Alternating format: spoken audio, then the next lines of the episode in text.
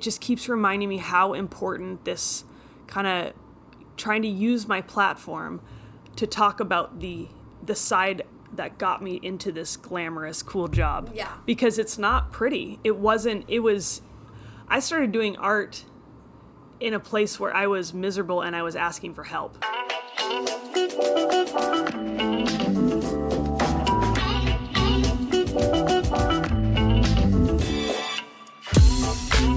What is up, everyone? Welcome to the Living Creative Podcast, episode 51. If you are new here to the podcast, welcome. How are you? I am your host, Brianna, and I am so pumped that you are here today with us. Just to give you a little background on what this podcast is all about, you're probably wondering living creative. Okay, what the heck does that mean? Well, this podcast I created to help motivate and inspire creatives just to really keep going and pushing themselves to the next level and following their dreams.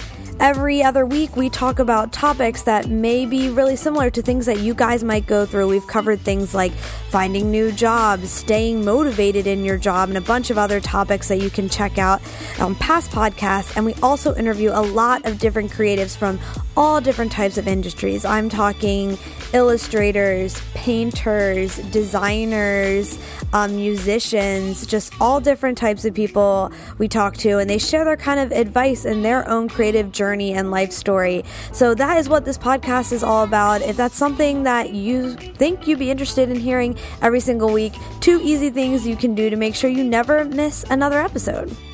Step number one follow us on Instagram at the Living Creative Podcast. This way you can see upcoming shows that'll be posted. I post like little questionnaires on there too. I want to know what you guys want to hear on the show and get involved in a different way. So make sure to follow us over there at the Living Creative Podcast. And you can also subscribe to the podcast on whatever platform you listen to. If you want to be a super duper listener, you can do another thing, and that's leave us a review. This helps me out because, one, it helps people see what the podcast is all about and your thoughts, and it helps me see what you think of the podcast, the good and the bad. So make sure to do that, those three things, and that would be so helpful. And I'm so excited that you guys are just here because today's episode is going to be amazing. Now, most of you know that I am a really big advocate for mental health. I think it's so so important. And today's guest, I just connected with on so many different levels. I met Lauren Brem at a conference that I was at for sports creatives back in June, and I heard her story and I was just completely blown away. This girl has been through hell and back, and honestly, her art, she says this, she said it, has really given her a new purpose and a new drive in life. And not only is she an amazing artist, so talented and skilled, but she also has an amazing story about how she's kind of come from just this this really dark and kind of scary place in her life and how art has played such a big role in bringing her back into where she is today in her amazing successful career. I actually got to hang out with Lauren for a couple of days and really just get to know her more and the person behind the artwork and her story and it truly is amazing. So you guys, without further ado, my interview with the wonderful Lauren Brem. Okay, you guys, today I'm here with Lauren Brem, the awesome artist and just all around awesome person. And I'm so excited to have you here and to talk about just everything um, your story, your art, and how you got to where you are today. So I'm very excited to have you here. Thanks for having me, Brianna. Happy to be here. Yes. So let's just get right into it. Uh, give us some background on yourself, where you grew up, um, kind of like how you were as a as a kid, as a young child. super weird. Um, I was seriously pretty weird. I grew up in Friday Harbor, San Juan Islands, which is uh, Pacific Northwest corner of Washington. Um, small town, always loved sports. Um, was definitely, though, that weird kid with a mullet, not the most popular kid. Big into sports, not into looking cool. or at least I thought I looked cool, but no one else did. Um, yeah, I grew up just obsessed with the Mariners, and I, you know, I lived close enough to Seattle where our team was the Mariners, and during the '90s, it's a fun time to be a Mariners fan um, with Ken Griffey Jr., Edgar Martinez, all the all the big names. So um, that was kind of when I first started getting into baseball. Um, of course, naturally, that kind of progressed into softball. So yeah, I, I did I dabbled in art, but it, it certainly wasn't my focus growing up. So did you like was kind of you said like art wasn't your focus, but sports kind of like took the forefront for you. What made you like fall in love with baseball besides like obviously the Mariners and like that big time that you got to watch unfold? Yeah, you know, I'm not really sure what it was about baseball. I think, you know, the idea of hitting, I think it was a combination of it was a team sport, yet your performance was still really important, um, you know, at the plate. And I just, in a small town, it was like my my one area that I could kind of shine. Um, you know, I was a big fish in a little pond for sure. The the more I got better at the sport, um, but it also, you know, when socializing in, in school wasn't my jam and I wasn't very great with that. Um, being able to focus on a sport and, you know, kind of get better and better at it was it was awesome. And um, yeah, and I kind of did all the things with baseball, like collecting baseball cards, all that stuff that just kind of, it just really grew my love for baseball. Yeah. As we sit in your hotel room with like surrounded by like bat- bats from players. yeah, yeah. I like that. But um so like baseball obviously that turned into softball for you and how did that play out in your life? Did you um like tell us about your career kind of with softball and how that played a role like as you grew up? Sure. Yeah. Um, my goal probably, I would say, by the time I was in high school, I knew I wanted to go on a scholarship somewhere, or at least get on a team um, for fast pitch in college. And the big fish in the little pond actually started to hinder at that point because I had to become. I was never challenged, so I needed to kind of get, you know, outside of the really, really small town and and get my name out there somehow. So I started kind of traveling to some some camps that were run by colleges to try and get my name out there, and that's actually what ended up working for me. Um, so I did my recruiting trips uh, my senior year, and really it was it was my whole motivation. I absolutely hated high school, hated it. Kids were cruel. I wasn't very popular. Sports were the only time I was at all noticed for anything. Um, you know, I, I was I wasn't hated, but I didn't really belong anywhere either. So you know, with with baseball and and softball, it just became kind of my focus. Like that's how I was going to get out. Um, it was also the start of mental health struggles for me, so it became it came, became kind of my sanctuary. So once I was able to focus on this is what I want to do, I put all my energy into finding a way to get good enough to get a scholarship, and and it did end up happening. But yeah, That's awesome. yeah.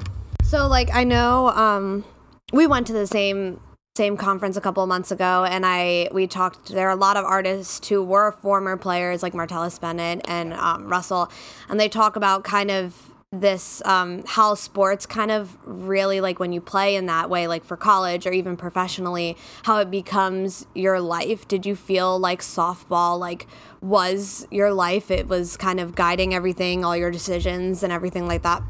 Oh, without a doubt. I mean, to this day, I think sport still runs my life. But um, yeah, you know, I, I make the joke to some of my old college, you know, teammates is when we first were done playing, it was like, how do we make friends? Like, oh my God, your whole life you're you're literally with a group of girls from you know whether it's one season or it's four years and you live with them you eat with them you play with them you trust each other and it's like this family that you kind of grow with um, and it, it's special but it's also hard work. You learn to push yourself. You um, you know you make decisions based on on the health of your body and so much of it is around i need to play tomorrow or i want to keep playing or i want to get better or i want to help my teammate out. And when that stops you you do you don't really know who you are. Yeah. Yeah.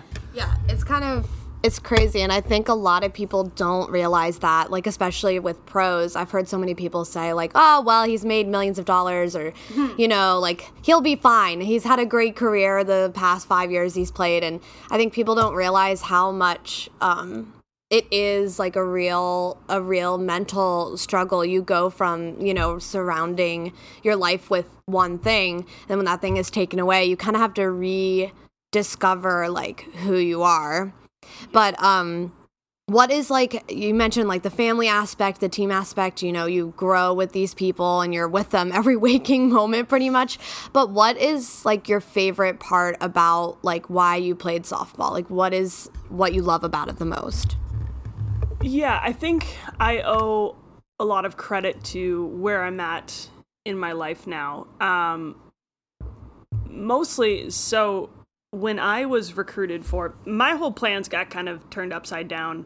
Um, I had some family things happen in high school that um, kind of derailed my whole world, and it, it also kind of changed my this big grandiose plan I had of like reaching out to all these schools and sending out tapes. It really turned into the four schools that reached out to me. Yeah. The end. Um, and at first, I was kind of like, oh, you know, I don't know if these were the schools I necessarily wanted to play for. And one was a junior college. And I was like, I'm not playing for a junior college. Best decision I ever made was getting rid of that little nagging voice that said, I went to a junior college. Best decision I've made. And um, the thing I appreciate is I think I truly believe I went with the coach that I knew cared about me as more than just a player.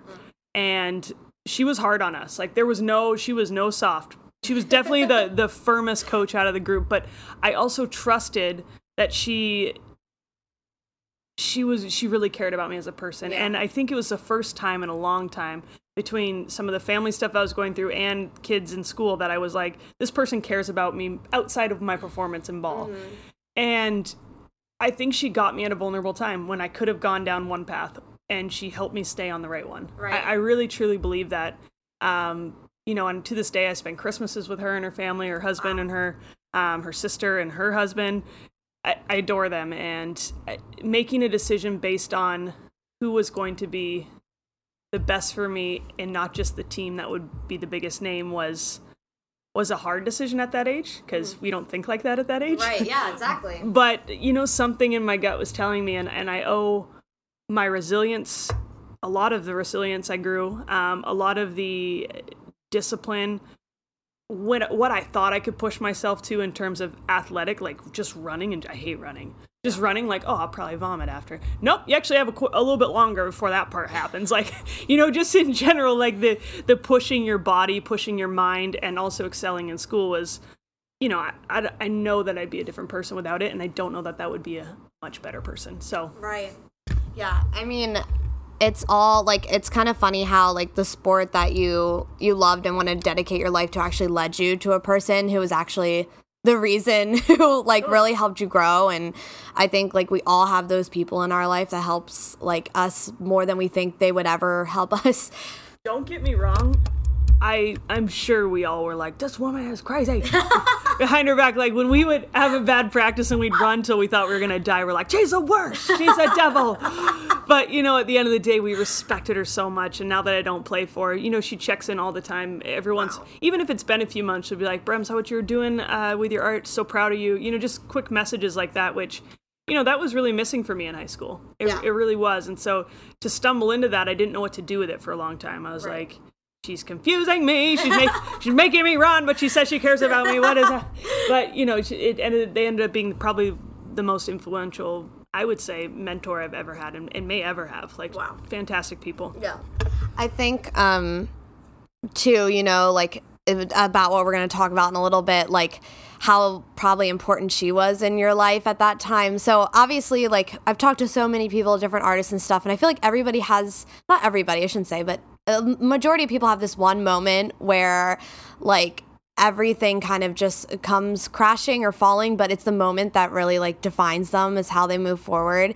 So i know you've had this like you had this accident happen. I'll let you explain it because sure. you're better at that than i am but kind of tell everybody kind of that moment in your life where stuff kind of like came to a halt. When the shitstorm started? I swear. Um, yeah, so it was actually a while, uh, uh, sometime after college. Um, I moved to Vancouver, BC. I was working the Olympics. Ended up staying in Vancouver, BC, and that's when kind of I stopped playing sports. Um, I had some some surgeries on my left ankle, and you know, but I, it was kind of a natural progression. I was just like, okay, sports are done, but I couldn't do that for very long. So right. I started playing. Comp- I started playing slow pitch. All right, now what I'm about to say is going to make zero sense. It sounds like an oxymoron, but then I eventually started playing competitive slow pitch. I know that sounds weird, but it exists. And uh, yeah, I was, you know, I got sponsored by Louisville Slugger um, in 2000 and 2017, um, and it was it was exciting, or 2016 maybe.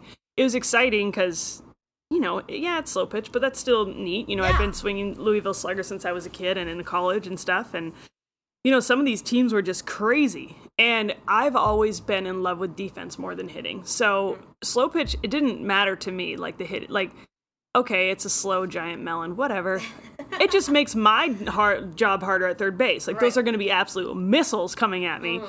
And so that's why I really enjoyed it. Um, and I started to get into the co-ed leagues where you know I really ups the the challenge at third base when you know a guy misses a home run by like a millimeter and instead it's coming barreling at you. Right. Um, so and then to get you want to stand back, fine, still have to make the throw. So you know it was it was a challenge and I loved it. Um, and things were really good. I I just you know I was dating someone I was fully loved. I was in um, my friend and I had just got back from Greece, um, my first real big trip as an adult um, that I could actually pay for. and uh, yeah, things were going really well. And, and then um, my dad had a heart attack, which was a bummer.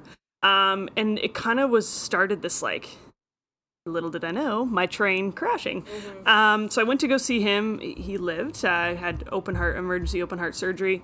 Got back two nights prior, and I was just kind of in a fog. And I, I don't know if this played into it, but went to a Monday night game and was on third in the first inning. One of the first batters just took a line drive, and I, I saw it come off the bat. And I remember thinking, like, I had a, a nanosecond to get my glove up. Like, I was literally a nanosecond. And the I put my glove where I thought it was going to come, and it tailed a bit, and that's the last thing I remember. Um, I took a line drive straight to the face, uh, just above my. It basically, imp- it, where it impacted was my eyebrow, my nose, and my cheek. So luckily, it was kind of a square shot where every bone took some brunt, um, rather rather than just directly to the cheekbone or orbital bone. Um, but I was knocked out, and uh, it was it was really scary, but Yeah. surprisingly, I was surprisingly calm when I first came to because there's this thing called shock and being knocked out. Right. I was just laying there like, what's going on? I can't open my eyes. My face is warm. um, Oh, God. and you know, everyone was freaking out around me. Everyone and I. That's when my anxiety started to kick in. I was like, oh god, is this bad? I just kept thinking, where's my nose? Like, is my nose Right. attached still? Like, that's not good. And um, yeah, it was scary. That's when it started to get kind of real to me. I was like, oh god, this is this is a bad injury. This is not good. Um, I heard the sirens and the ambulances and Yeah. got taken to the emergency room and and yeah, I that was the start. Like everyone's like, "Oh, that's the worst of it." It's actually no, that's when things started to get really bad. Right. Yeah. You're like that was the best part actually. Uh-huh. pretty, pretty much. I didn't know anything about concussions.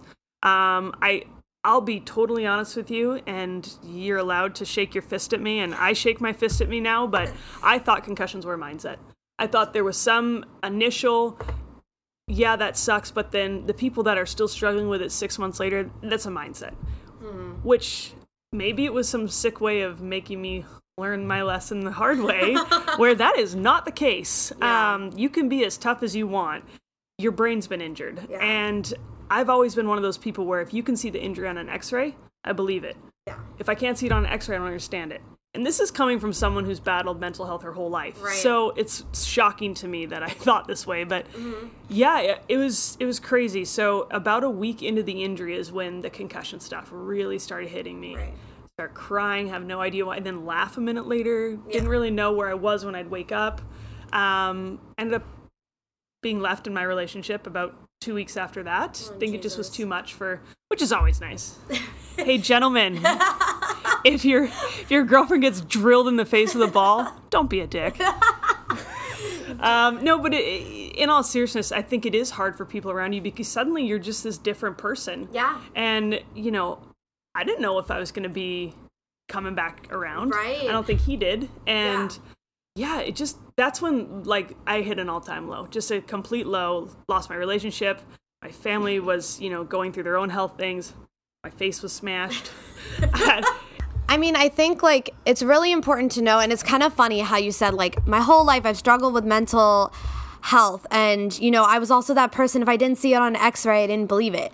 And I think that's the ironic and funny thing is mental health you don't always see it it's not something that yeah it's not something you can do an mri and be like ah yes there's the depression there's the anxiety and it is like coming from somebody too who's been with somebody who has experienced mental trauma they you do turn into a different person sometimes and it is very scary and and you don't know like there's so much unknown about the brain that doctors don't understand. It is really this like frontier that no one knows about. So i understand like the whole thing where you you go through all these things you're looking for answers and everyone's kind of like well I, something is obviously wrong. Yeah i mean from the time i was so there's there's two parts to that when i first started having panic attacks at a unfortunately a pretty young age i think my first panic attack was about eight years old, and teachers thought I was doing it to get out of class.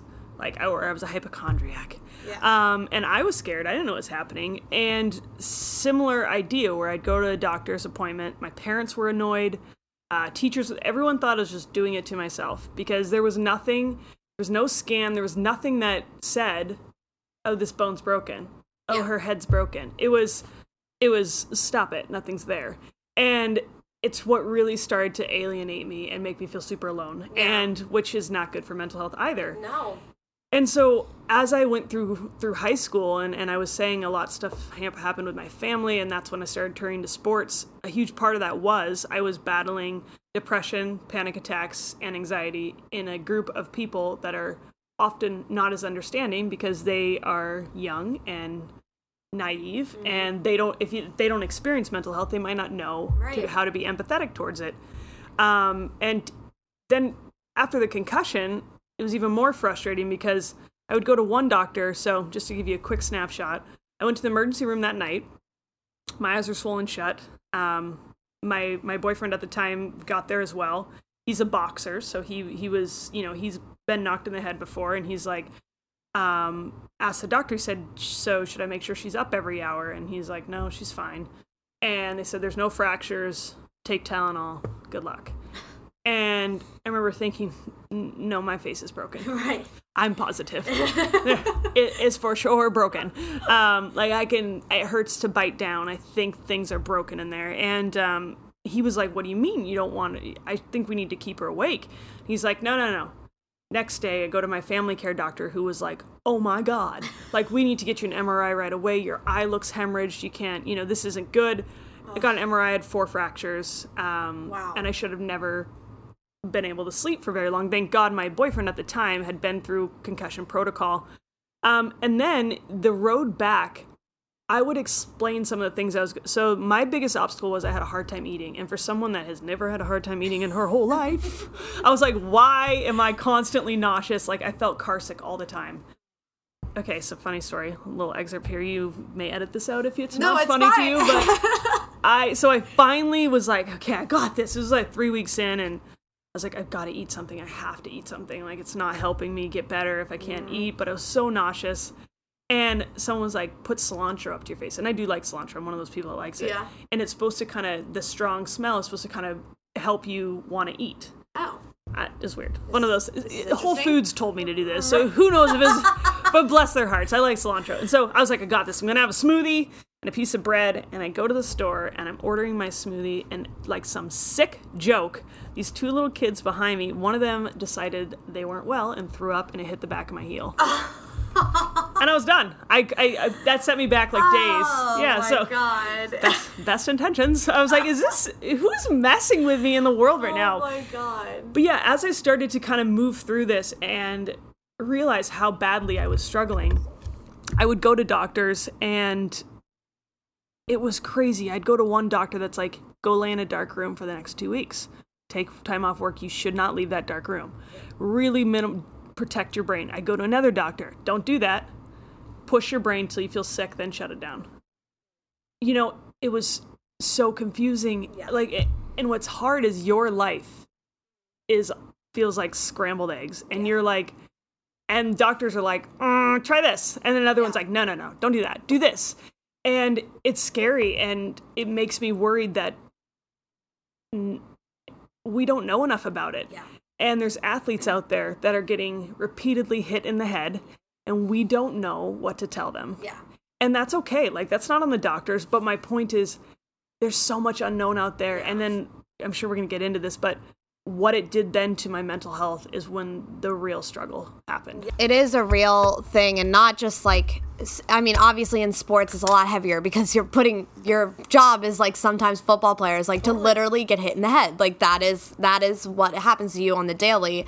But I think it is really important and especially just like in the climate we're in today in the world like mental health is really really important and even though somebody might not be able to quote unquote diagnose you with what is going on doesn't mean that you're making this up or you're faking it.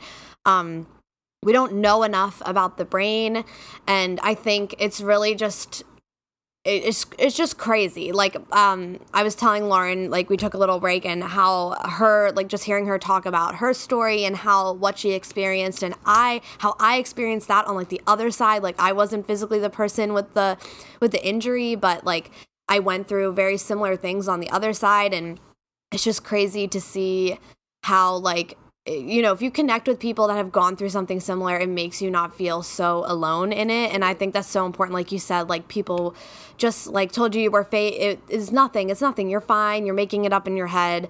Um, and it just made you feel more alone. Yep. So, I mean, after obviously this happened, your face is broken and you're like can't eat. Like, where did you go from there? How obviously like this is a recovery period for you. You have to get well and better. And so, how did you kind of like go about that? Like, start into recovery? Unfortunately, I had to hit a bit more of a bottom, to be honest with you. Um, as soon as the bruising was gone, which took about three weeks, and then once my eye returned to normal, it was like everyone assumed I was normal. Mm. Yet I was at my worst place mentally. So a quick timeline i would say freshman year is when my mental health spiked in terms of being at its worst mm. panic attacks daily struggling to understand them i was um, i hadn't i had not had too much of the depression creep in i was definitely always my whole life really stuck in anxiety mostly mm. Um, a little bit of OCD growing up, um, but mo- and I'm not talking like I liked things in order. Like I literally thought my safety was dependent on lining up things properly. Like mm. truly was stuck on that and and you know people make jokes about that myself included but there are things that happen in our lives that make us think as a kid that we need to think of ways to keep ourselves safe yeah. and if that's what you latch onto it makes sense mm-hmm. so you know i say that now as an adult but i never knew all this information so i was hard on myself i'm yeah. like you're a freak you know you got issues none of your friends do this like you need to keep it quiet don't tell anyone don't tell anyone yeah. don't tell anyone um, my parents didn't understand it no one understood it so my thought was I better shut up about it, which anyone that's listening to this that has mental health can probably smile because they know that that is the worst thing you can do. Um, so yeah, after that, it was like that's was probably the high the high point. It was a little bit difficult in college just because I was getting used to you know, but my coach knew I had anxiety, which was helpful. Um, and then it, it really tapered off. I, I started some mental health medication for anxiety, and things were going pretty well. Then I got hit in the head, and it was honestly like panic disorder anxiety on steroids about the third weekend. I was scared out of my mind. Like, I had worked so hard in therapy and so hard to get my anxiety back to a manageable place, and all of a sudden it's back in full mm-hmm. force. Like, what? And so I started doing research, and, and I, I am lucky enough to be in a place where I can afford to go to therapy. I understand not everyone's there, but I go to weekly therapy, and, and you know, my therapist was concerned. She's like, since this head injury, you know, things seem to have come back. And so we started doing some research together and found that, um, yeah, brain injuries can, can resurface underlying mental health conditions. Um, the big difference here was that depression came into play for me and that's scary you know to add one to the mix right. but um right yeah and it, it became like this a really dark place for me i won't lie yeah. um, for about two years it just got worse and worse to a point where i was like i was worried that i wouldn't make it i was yeah. worried that this was the trajectory i was on and at some point i wouldn't be strong enough to keep doing it yeah and i decided the one thing that's always pulled me out of a bad place is acts of service. Um, and so I thought, I'm going to volunteer for the Vancouver Suicide Hotline. And it's not just a small process. You apply and then it's training, a lot Yeah. of training. But I thought, you know, maybe this is a way for me to, to start hearing other people talk about their struggle, which maybe will help me feel less alone in mine. Yeah.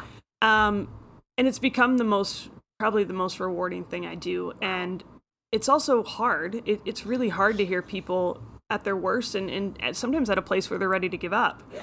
Um, but it's so, it just keeps reminding me how important this kind of trying to use my platform to talk about the the side that got me into this glamorous cool job Yeah. because it's not pretty it wasn't it was i started doing art in a place where i was miserable and i was asking for help Yeah. in in, co- in high school my art was pencil drawings of crying kids it was you know it was it was dark stuff. Like i'm not gonna lie to you. I mean granted i was a teenager but you know it was my way of saying like help. I can't tell you what's Yeah. going on because i don't really know what's going on but i'm trying to ask for help Yeah. in a very in a less vulnerable way. Mm-hmm. And you know oddly enough art then became my refuge after injury. I couldn't play anymore but i could tell stories of sport through my art. Yeah. and now i'm involved in sport through art I first like just to give a little background, like I I heard Lauren talk at um, a conference that involves all people from all major league and collegiate sports and um, just here I like immediately connected with her with her message of you know mental health struggles and I loved it. It was the mullet. i knew it It was that's really what got. a mullet now no, she has beautiful long curly hair now. The mullet is gone. it is from i had to sew a picture it was good. It was perfect. But I mean, um, I just really connected with her, and I think a lot of other people did as well. There were, like I mentioned before, there were other um, major league athletes there who said like the same thing. Like, and so can you kind of like talk us through how you first really like got into art? Like how did that you said like i thought like oh like I, you know that's what i did when i was a kid. Was it just kind of like let me try it again type of thing? Sort of. So over the past, I would say, even while I was playing, from about 2012 onward, I was doing pencil drawings of my dog. Because I, lo- I have two golden retrievers who are my world, and yeah, I was doing like pencil drawings, and all these ador- other people out there like me who are obsessed with their dogs would be like, "Ooh, can you draw my dog?" So I was kind of doing this for fun on the side, like Etsy style, like making just a little extra. I remember thinking like, "Ooh, a little extra Christmas spending money," Yeah. like nothing major. Um, and then I, I was like, I'm gonna post one on social media. Okay, now this is.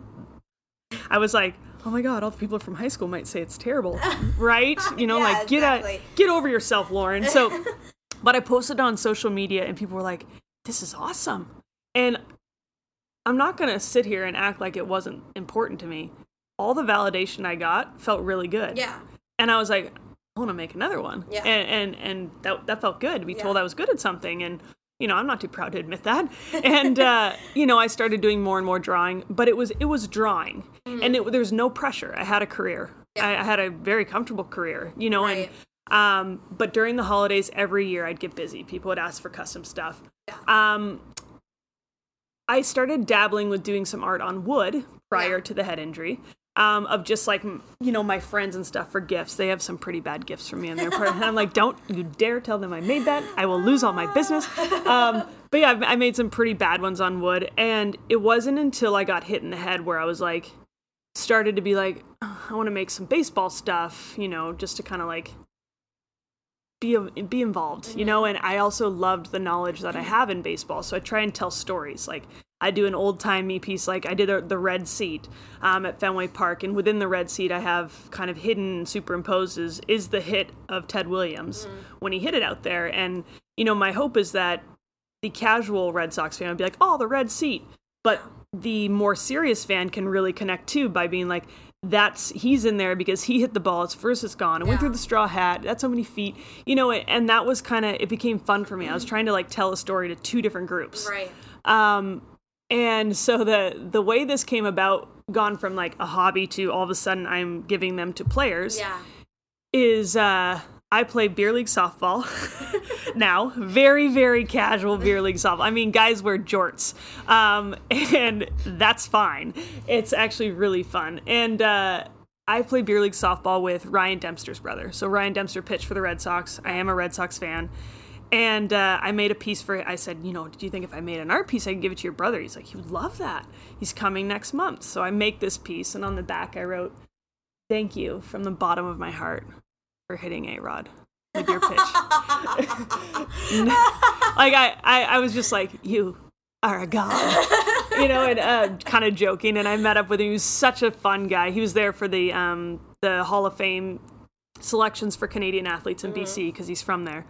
Um, and it was such a high. Like I was like, Yeah. oh my god, he loves it, and he, he, you know, he gets free stuff all the time. And if I can capture his attention, Right. like maybe I got something here. So, um, I'm gonna try and speed this up because it is a long road. Yeah, so, so then I, the next thing was I was like, I want to try again, but with a current player. So James Paxton threw a no hitter Mm. just all in that week. And someone's like, try it, see if you can. And I'm like, all right. So I, I did a piece of him.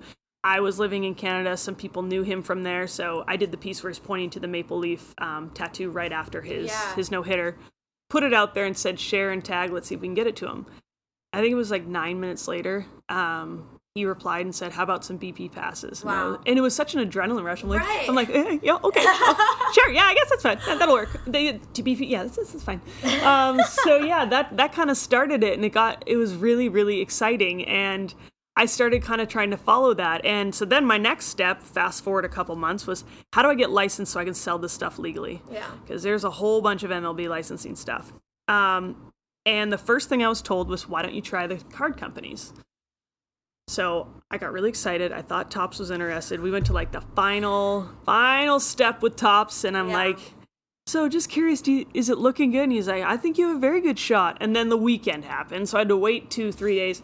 Monday hit, and he said I had my design team look at it, and we just don't think we're interested. And I was like crushed. Like I felt like my innards dropped. I was like, oh, I was like, what? Is there something wrong with it? And he says, a layman hobbyist could do what you do. And before I felt bad for myself when I heard that. I was like, it, it crushed me. I just remember instantly crying, like, oh my God, I'm not good at this either. You know, like just, I felt terrible and, and mm-hmm. truly like, God damn it, I thought I was onto something here and Yeah. I'm not good enough for this. But once I kind of got out of that, once I got out of the I feel bad for myself pity party mode, I got angry and I was like, you know what? I'm going to make them regret this. And it was the biggest turning point. So I say the two biggest things that happened to me that I am crazy maybe for believing, but getting hit in the head mm-hmm. and being shut down by Topps changed my life. Mm-hmm. They have put me in this path where I, I feel unstoppable as long as I keep pushing forward because mm-hmm. what I ended up doing is making art different. I tried to tell stories within the jerseys of them. And if you haven't seen my art, that's not going to make a lot of sense. Go check it out, and then you'll get it. Um, but yeah, getting shut down by Topps. I always I have actually in quotes above my art desk. A layman hobbyist could do what you did. Not to punish myself. Right. It's to, it's to constantly remind myself that I cannot wait until they approach me one day. Right.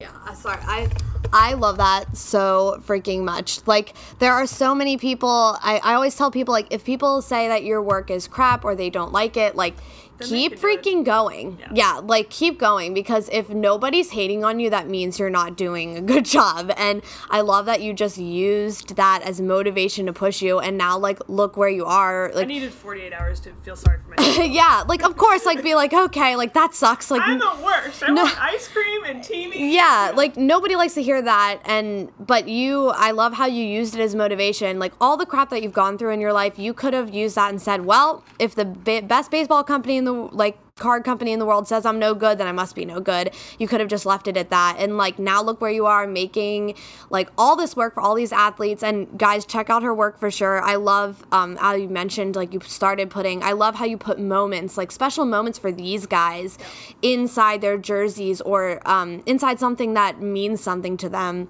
And like can you just talk about like some of the work you've done recently? Yeah, for sure. Um, let's see. I need my phone to, to, look, to look at what I've done recently. it's been kind of a busy few months. Um, just trying to pick out some highlight a few. I'll highlight one that's been a huge um, boost for my career this year. I I made a piece for Robinson Cano, Pete Alonso, and Degrom when and uh, Todd Frazier when I was in Atlanta for the conference that I met Brianna at. Um, they were playing the Mets uh, at SunTrust, so I went two days prior and delivered art to them and Robinson Cano and Pete Alonso, all of them were such great guys. And, you know, not every athlete's cool, but I feel like I've met a lot of great ones, and those guys were top notch. And it cracks me up because some of you reading here, listening to this, are probably already thinking of reasons to hate on Cano. I will not stand for it. He's a good man.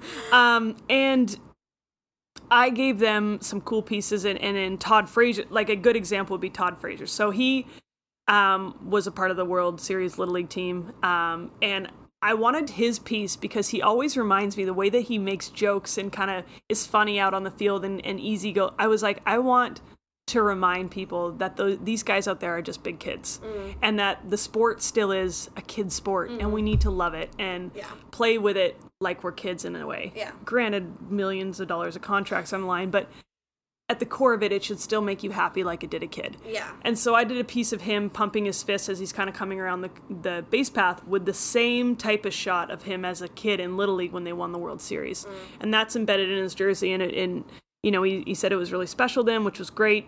Uh, Robinson Cano's was his very first home run as a Met was within his jersey. And I got a call actually just after I spoke at the uh, the conference. I got a call from a number I didn't recognize, and it's just Robinson Cano. I was like, "Hello."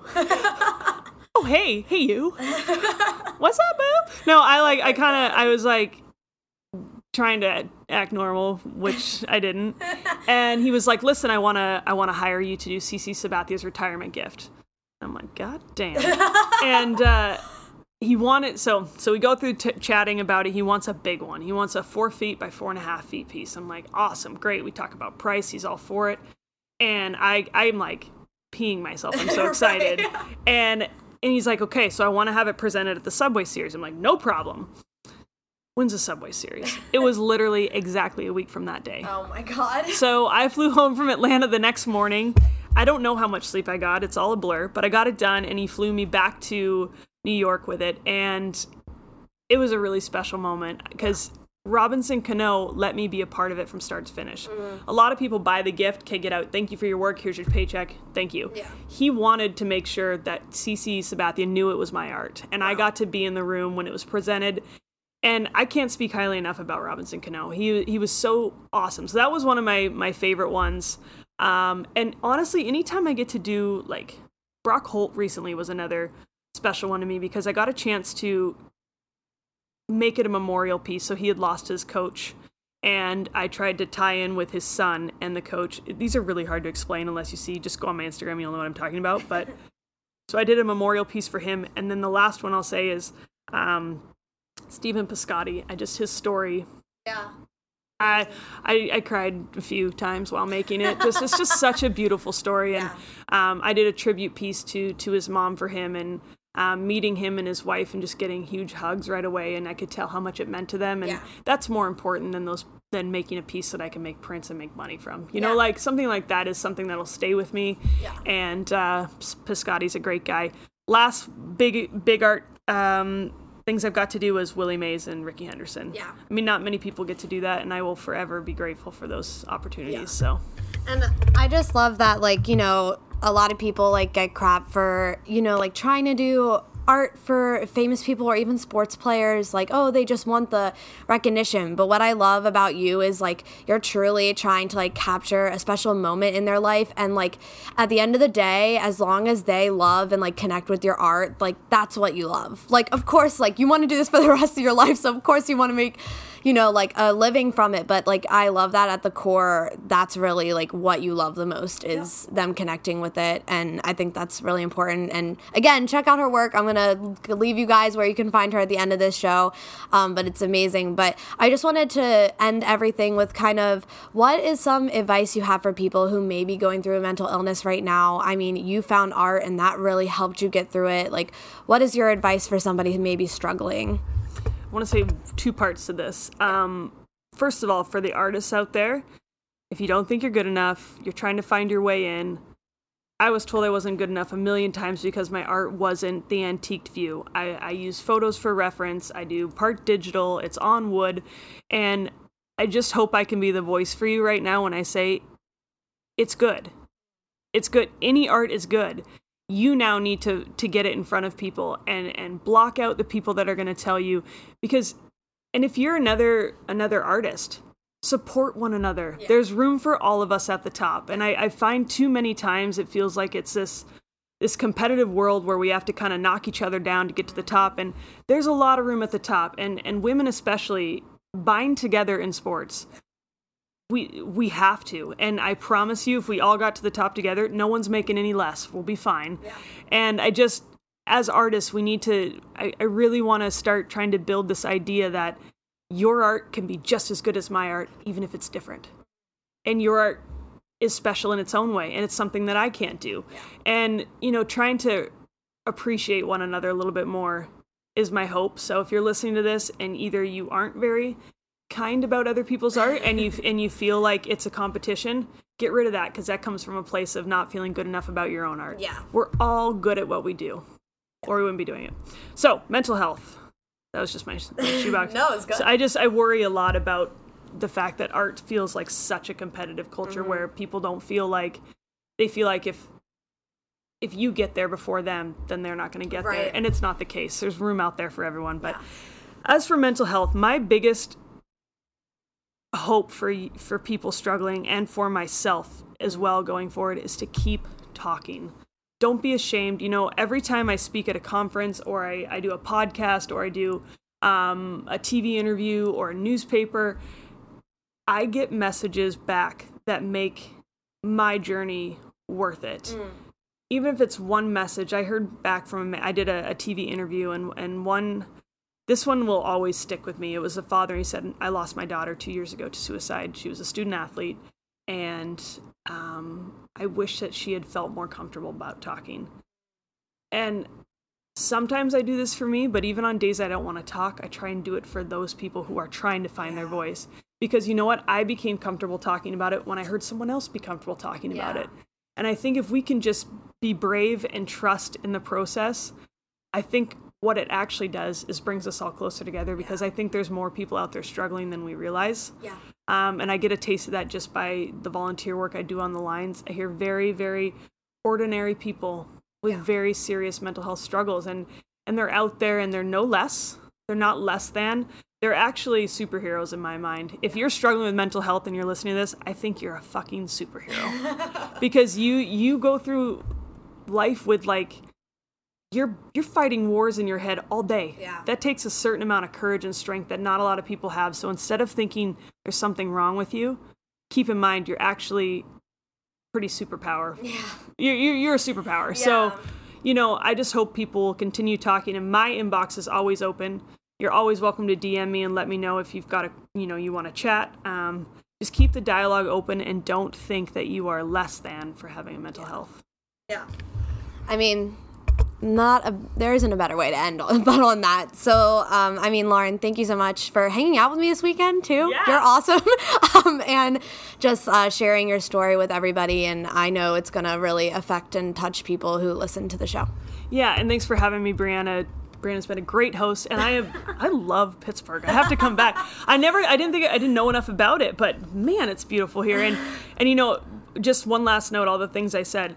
I'm not an expert and I don't have this figured out mm-hmm. myself. So keep that in mind. These are just suggestions, but um, at the end of the day, I'm right there with you, struggling some days, yeah. and and that's the way mental health works. Like, I might look like I have it all together one day, but I'm also probably trying to figure out how to get out of bed on another day, and that's okay yeah. as long as you keep getting out of bed. Yeah. So yeah, thank totally. you, yeah. thank you for fighting alongside with me, all you little mental health warriors. That's exactly what you are. You're a warrior. Yes, 100. percent Thank you so much. Thank you, Brianna.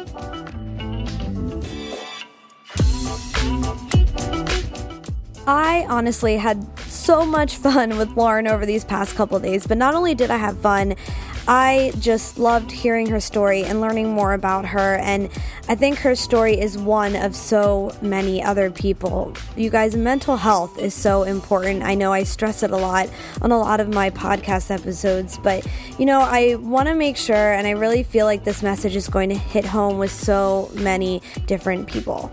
You know, we all struggle with mental health in one way or another. Some of us might have more severe mental health issues, and some of us, it might just be, you know, a bad day every now and then that we have a hard time getting over or something else. But I want you guys to know that every single one of you is so strong and no matter what you're going through that you're going to get through it. And just like lauren's story and everything she went through look at where she is now. If she would have given up she would have never known her true potential. She would have never been making all this amazing art for some of the most talented baseball players in the world. I just just think about that for a second. Let that sink in.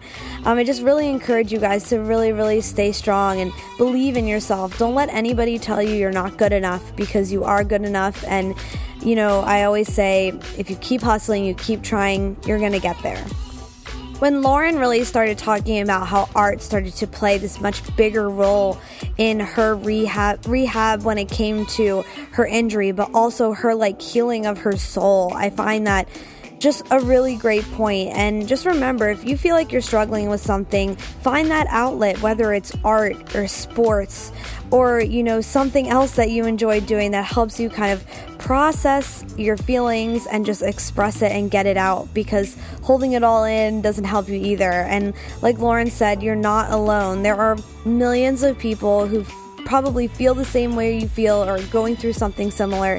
So just remember that you're not alone and you know, if you find that one thing that helps you express those feelings, you can really just help yourself in the end.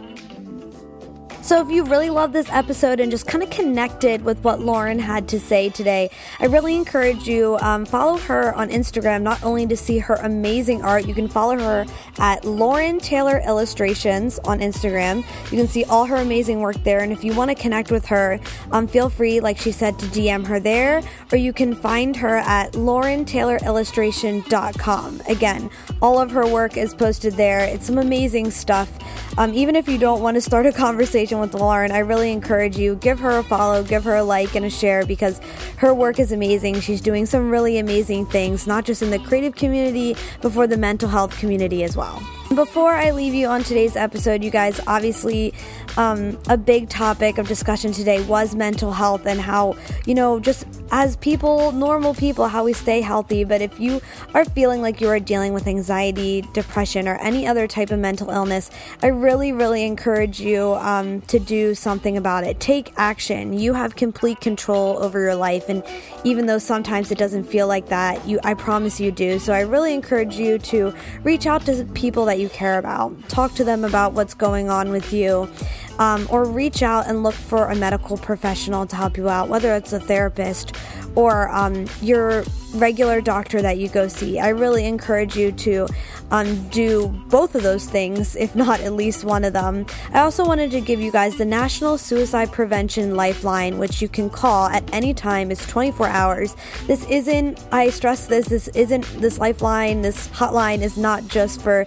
um, suicide. If you are depressed or feeling like you need just somebody to talk to, um, I encourage you to call this number. So you can call 1 800 273 8255. That's 1 800 273 8255. Again, that hotline is open 24 hours a day, seven days a week really encourage you if you're feeling like you need to reach out to somebody and you don't really have that person in your life or um, don't have the means to go see a doctor. I encourage you um, seek help there. Uh, you guys our mental health is so important whether you feel like you're dealing with something a severe depression or maybe you're just having a hard time in your life right now it's so important and i really encourage you guys take action and to never ever give up so, thank you for joining us for this episode 51. Again, Lauren, thank you, thank you, thank you so much for being so brave and sharing your story with thousands and thousands of people and it